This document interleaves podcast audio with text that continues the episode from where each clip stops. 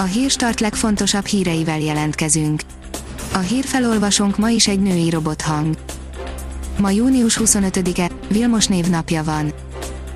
Az M4 oldalon olvasható, hogy fél milliárdból rendezik meg a semmilyenféle vadászati világkiállítás felvezető eseményeit.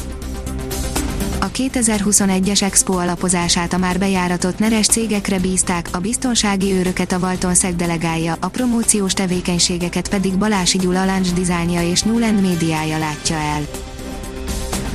A 24.hu írja ellenzéki városoknak nem jutott az állami pénzből.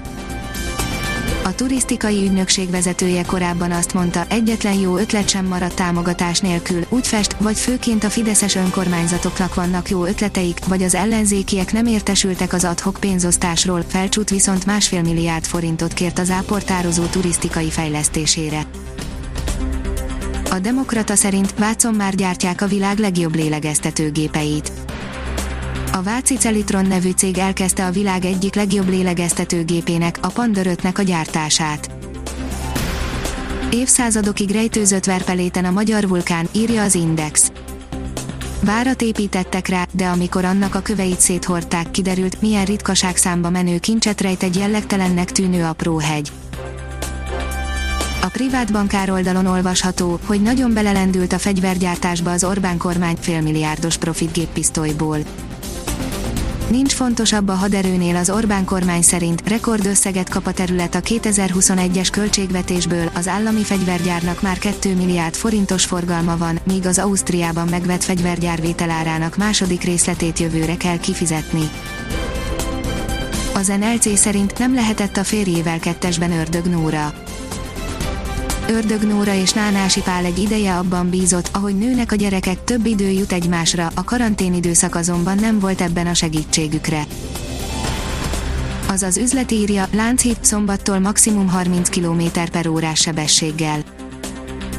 Szombattól 30 km per órára csökken a megengedett sebességhatára Lánchídon, közölte Tüttőkat a főpolgármester helyettes, aki azt is tudatta, a fővárosi önkormányzat vezetése megtiltja a Lánchíd használatát az augusztus 20-ai tűzijáték és állami ünnepség céljaira. A mínuszos írja, megnövelt mobilhálózati kapacitással készül a Telekom a nyárra a Magyar Telekom kapacitás bővítéssel készül a hazai nagy tavak környékén a nyári csúcs szezonban várhatóan megnövekedő mobilforgalomra. A fejlesztések célja, hogy az egyidejű nagy terhelés ellenére se tapasztaljanak az ügyfelek lassulást, akadozás telefonálás, netezés vagy a különböző mobil alkalmazások használata közben. A 168 óra online szerint GKI gazdaságkutató mégsem lesz olyan nagy gazdasági visszaesés idén, mint eddig gondolták GKI gazdaságkutató csütörtökön kiadott legfrissebb prognózisában elvetette az előző, márciusi előrejelzésében felvázolt kevésbé pessimista, 3%-os GDP csökkenést jósló forgatókönyvét, miközben kisé enyhített pessimista, 7%-os visszaesését valószínűsítő forgatókönyvének borulátásán.